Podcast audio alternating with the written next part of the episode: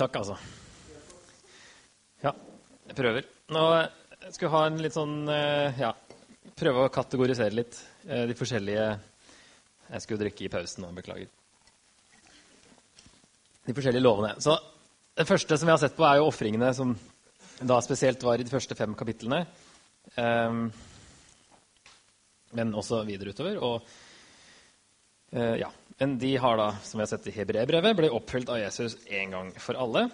Det er litt sånn åssen vi kan bruke de lovene i dag også. Så alle ofringslovene blir liksom, Hvis man begynner å ofre igjen, så er det å gå liksom motsatt vei av hva Gud går, da, egentlig. For han har en plan. Jesus er liksom oppfyllelsen. Så vi skal ikke begynne å gå andre veien.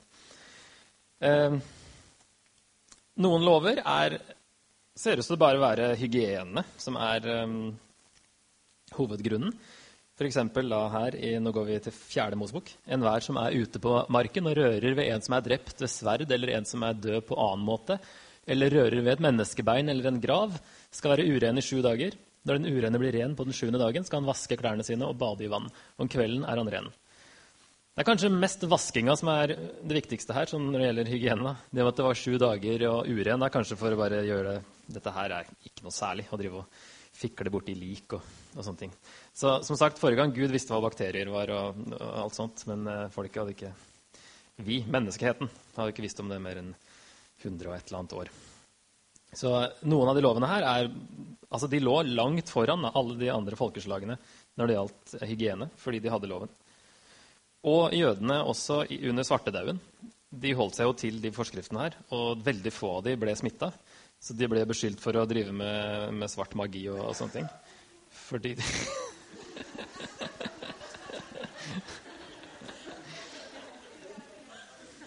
Så de lovene her har veldig eh, praktisk funksjon. Da.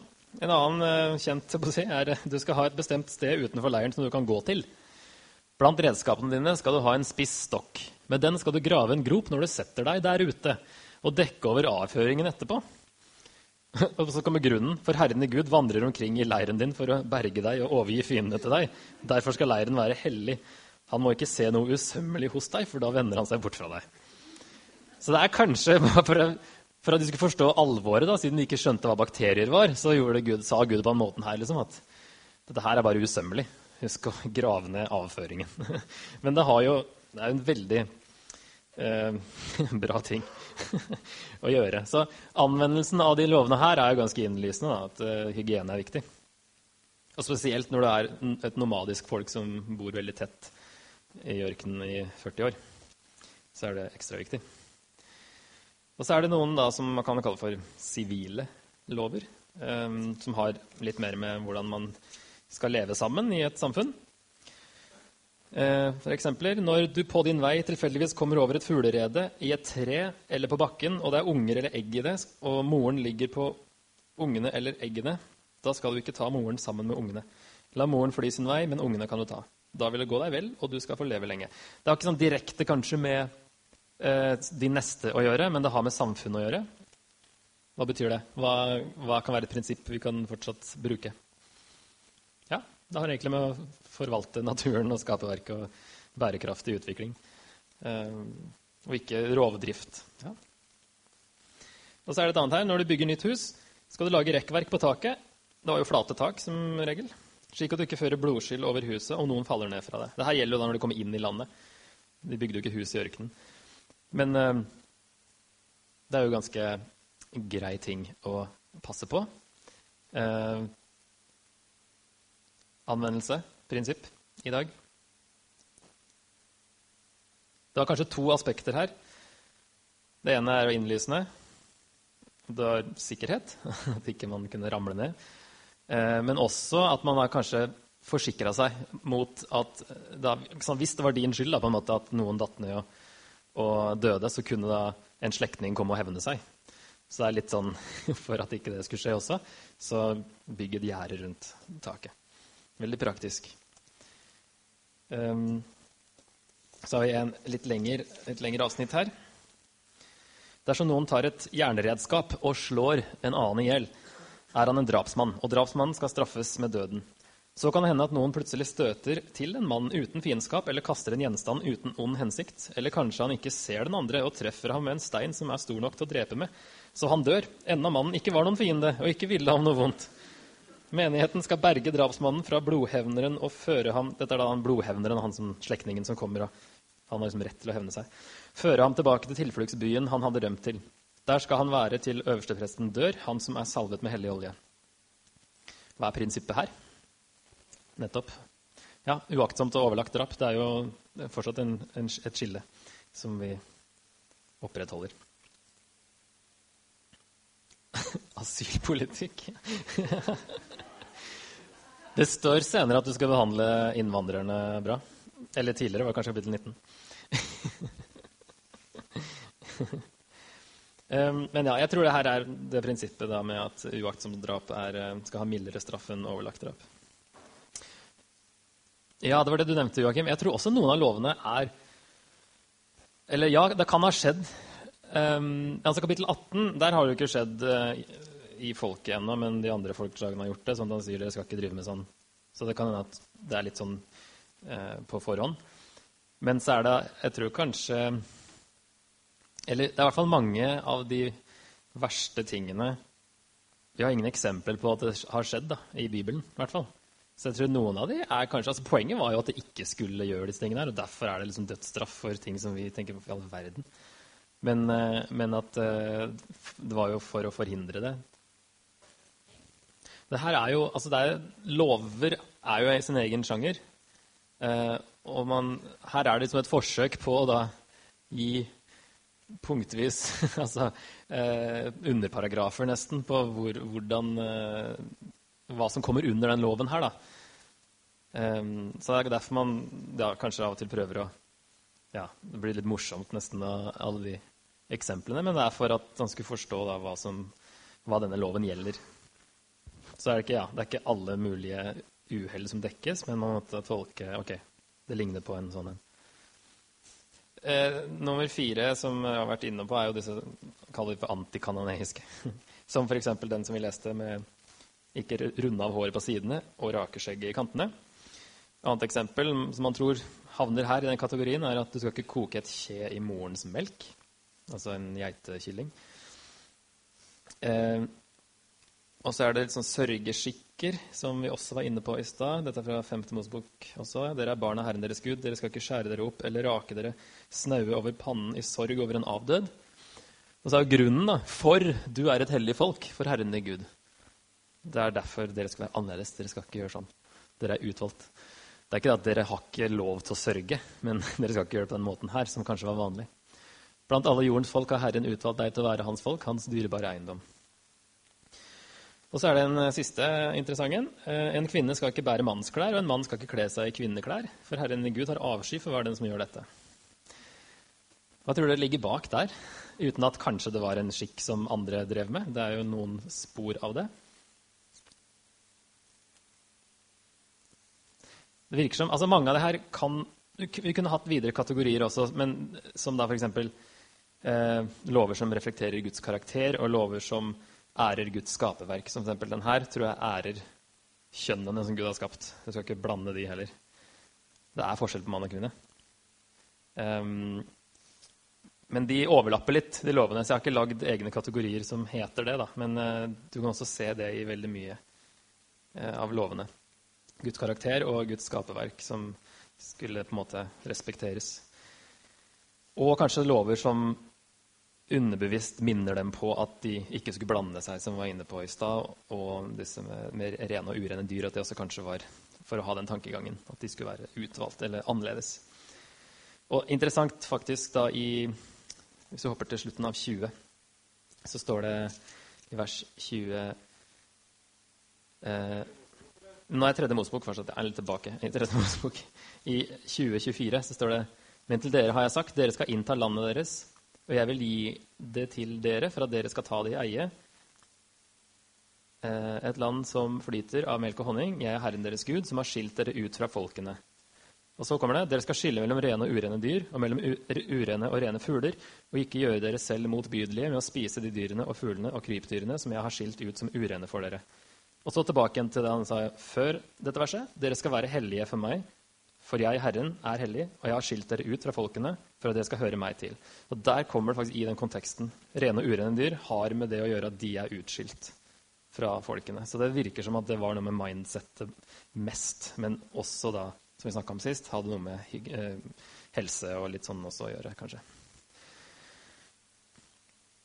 Eh, ja. En liten anvendelse av eh, det her er 1. Peter 4. Så skriver han at eh, det er nok at dere i den tiden som er gått, har levd slik hedningene vil, i utskeielser og lyster, i drikk, festing og fyll og i forkastelig avgudsdyrkelse. Nå undrer de seg hvor, fordi dere ikke lenger løper med dem ut i denne strømmen av utskeielser, og de spotter dere. Så her har de da, de kristne er nå plutselig annerledes, og de blir ikke med på alt det som hedningene rundt gjør. Så Peter på en måte bruker det samme eh, prinsippet. Da, at nå er det kirken, kristne, som er utvalgt. Ja, og Det tredje kan også si at det skal ikke ødelegge skapverket, skal ikke ødelegge kroppen som Gud har skapt, med å rispe og kutte deg.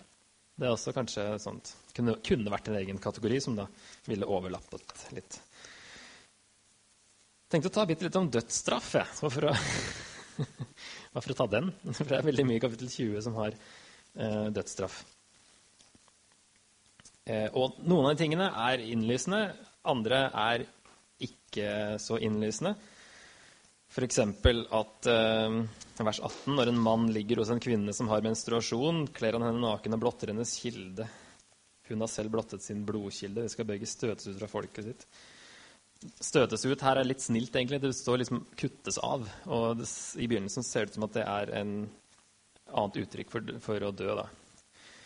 Og det, ja, Sånne ting. Hvorfor er det dødsstraff? Og, men akkurat den har liksom med blod å gjøre. Vi har sett at det er veldig viktig i Tredje Mosebok.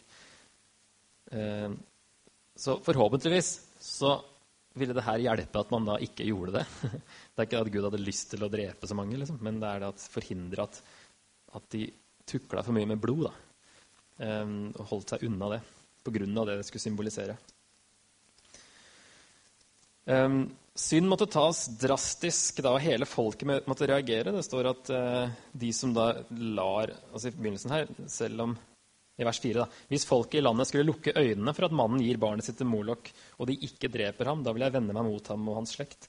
Jeg vil støte ham ut av folket, både ham og alle dem som på samme måte driver hor og løper etter Molok. Så eh, hele folket skulle reagere og støte ut eh, synden fra seg. Men jeg skal ikke gjøre det her for politisk, men hvis du googler det her, så får du jo veldig mye amerikanske sider av der de debatterer for og mot dødsstraff og bruker Gammeltestamentet som argument både for og imot. men kan si at syndens lønn er døden, som Paulus skriver. Egentlig fortjener all synd dødsstraff. Og som jeg har nevnt, og som jeg tror da, at poenget med de lovene var at det ikke skulle skje. At det var spesielt eh, alvorlig. Og så er det interessant at Paulus bruker dødsstraffen i overført betydning om å da støte ut en fra menigheten i 1. Korinterbrev 5.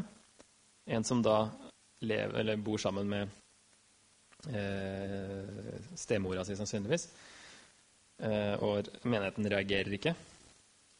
Og Paulus sier da 'få da den onde bort fra dere'. Og det ser ut til å linke tilbake til uttrykket 'slik skal du utrydde den, det onde hos deg', som da brukes i 5. Mosebok i forbindelse med dødsstraff. Så han, Paulus Det overføres da til kirken. Støtes ut av kirka var, eller er da den på en måte nye uh, Ja, det som tilsvarer, ja, svarer til det å bli støtt ut av folket, men som da ville si å dø i, i GT. Uh, men så skjer det jo også et par ganger at Gud faktisk utfører dødsstraff si, i Ananias og Safira i Apostelens gjerninger 5, som, som, da ljuger til Gud om hvor mye penger de eller til, til disiplene, til Den hellige ånd, som Peter sier, om hvor mye penger de fikk for det de solgte, når alle delte alt. Og så har det i 1. Korinter 11 et veldig interessant vers, der, der de misbruker nattverden og gjør den til en fyllefest. Så sier Paulus at den som spiser og drikker uten å tenke på at det er Herrens kropp, spiser og drikker seg selv til doms. Derfor er det mange svake og skrøpelige hos dere, og noen er sovnet inn. Så han sier faktisk at her har noen av dere dødd fordi dere har ja, ført dom over dere sjøl. Hvorfor dere ikke har eh, behandlet nattverden med respekt. Da. Men det som er interessant, er jo at disiplene tar aldri liksom, til orde for dødsstraff og utfører det. Det er Gud som gjør det i et par tilfeller som vi har. Og Paulus bruker det i overført betydning. Så det er veldig problematisk å bruke Gammeltestamentet som argument for eller mot eh, dødsstraff når eh, de lar det være fullstendig opp til Gud hvis det i hele tatt skjer. Og de bruker det som en metafor om menigheten i stedet. Og så har vi da et veldig interessant vers i eh, Hebreerbrevet igjen, kapittel 10. Fortsetter vi å synde med vitende og vilje etter at vi har lært sannheten å kjenne, da finnes det ikke lenger noe offer for synder. Forferdelig er det vi da har i vente. Dommen og Guds brennende iver skal fortære dem som står ham imot. Den som forkaster Moseloven, møter ingen barmhjertighet, men må dø på to eller tre vitners ord. Hvor mye strengere straff synes dere ikke den fortjener som har trampet Guds sønn under fot, vanhelliget paktens blod som han selv er blitt helliget ved, og spottet nådens ånd? Vi kjenner jo ham som har sagt 'straffen hører meg til, jeg skal gjengjelde', og videre 'Herren skal dømme sitt folk'. Det er forferdelig å falle i hendene på den levende Gud. Dette er Nytestamentet, som sier da at det er enda verre å bryte den nye pakt med overlegg. Da. Når du vet hva det innebærer, og du bryter pakten, på en måte, så finnes det ikke lenger noe offer. Så man tenker kanskje ikke at det er verre med den nye pakt enn med den gamle pakt når vi leser loven hvis man bryter det. Men uh, det er det hebreerbrevet i hvert fall sier. Så ser du jo at Gud gjør unntak med David, f.eks. Som han uh, skulle egentlig dødd uh, når han da med Batseba-episoden. Som det står ut fra den kapittelet her. Så Gud kunne gjøre unntak. Jeg har noen få minutter igjen, så jeg har heldigvis ikke tenkt å ta så mye om høytidene, siden jeg skal få en vaskeekte jøde til å ta det. Eh, men jeg har bare noen flere av de bildene som jeg viste sist. Eh, dette er da Jeg vet ikke om dere klarer å gjette hvilken høytid dette her er. Dette er da en på toalettet inni en eh, Det er et engelsk ordspill igjen, da. Vi er inni en booth. Så vi hadde da bildeteksten av 'Three unidentified Israelites celebrating the feast of booths'. Um, jeg tror ikke det er det han kommer til å si neste gang. at det er sånn. Men de skulle bo i løvhytter, da. Det er det, men dette kalles også en booth. Uh, påskefeiringen er da dette bildet her. Vet ikke om dere klarer å uh, Dette er for så vidt henta fra andre Mosebok 12. Vet ikke om dere klarer å se eh, hva som skjer. Ja, spiser usyrede brød eller pannekaker. Flate brød. Unnskyld?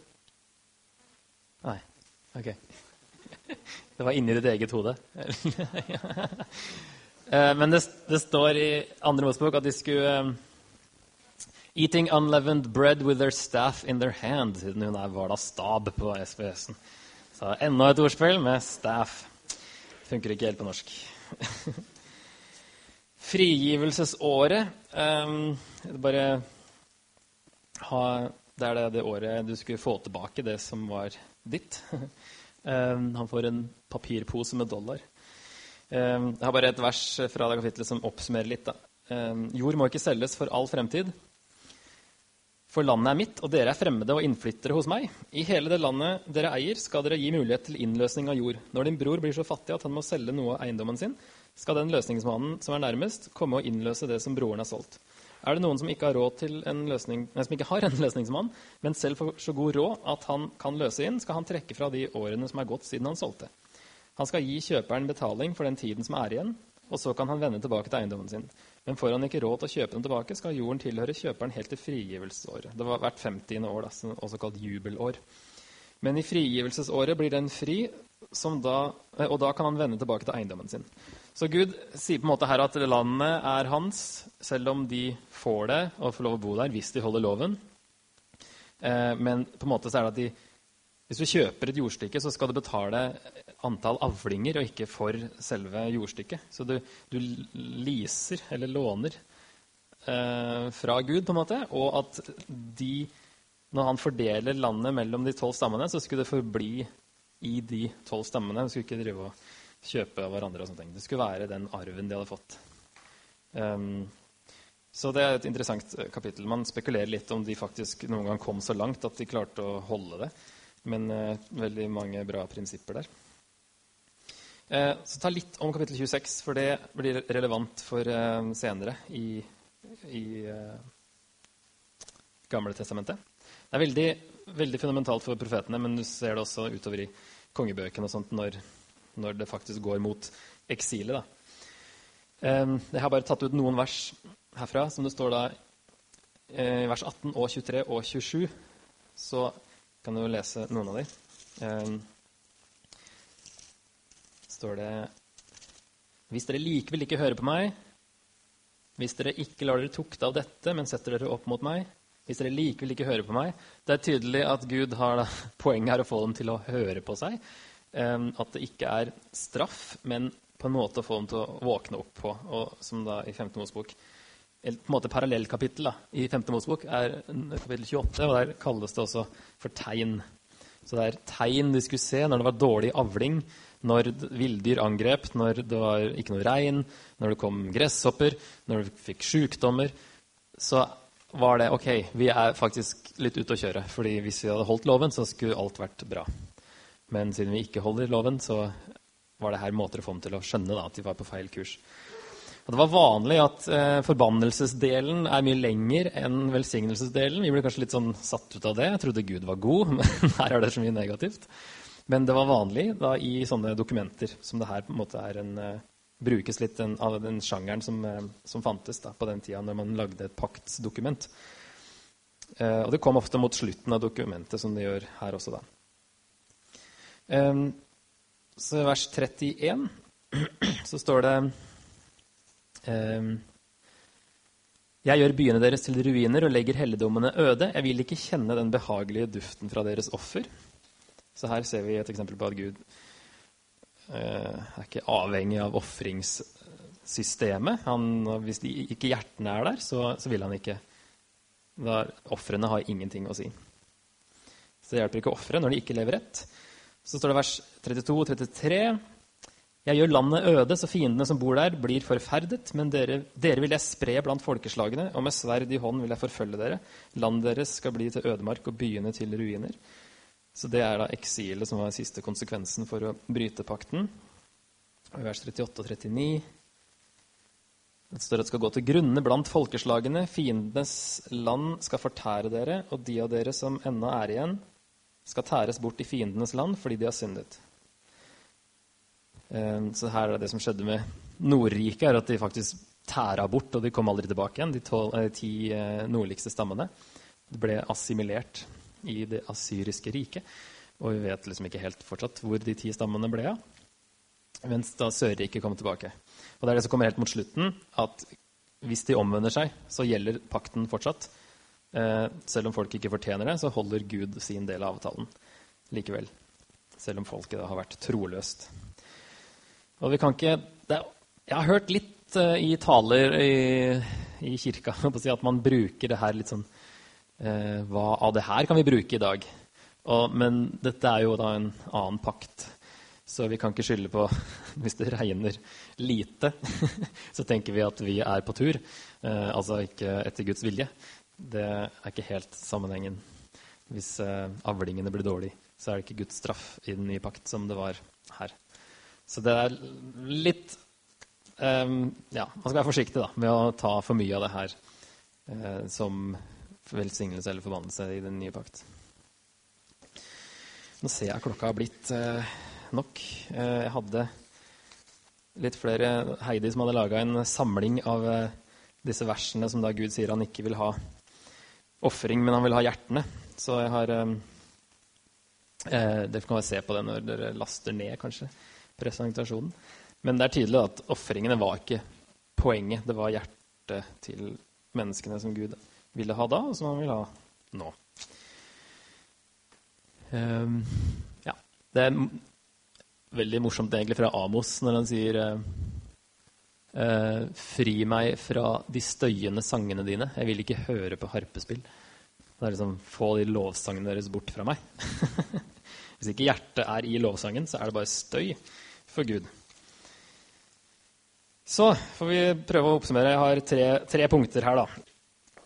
Jeg håper dere har sett litt Jeg har jo brukt mye mer tid enn dere da, på Tredje Mosebok, men jeg håper dere har sett det at vi forstår mer av hvordan Jesu, Jesu verk frelser oss.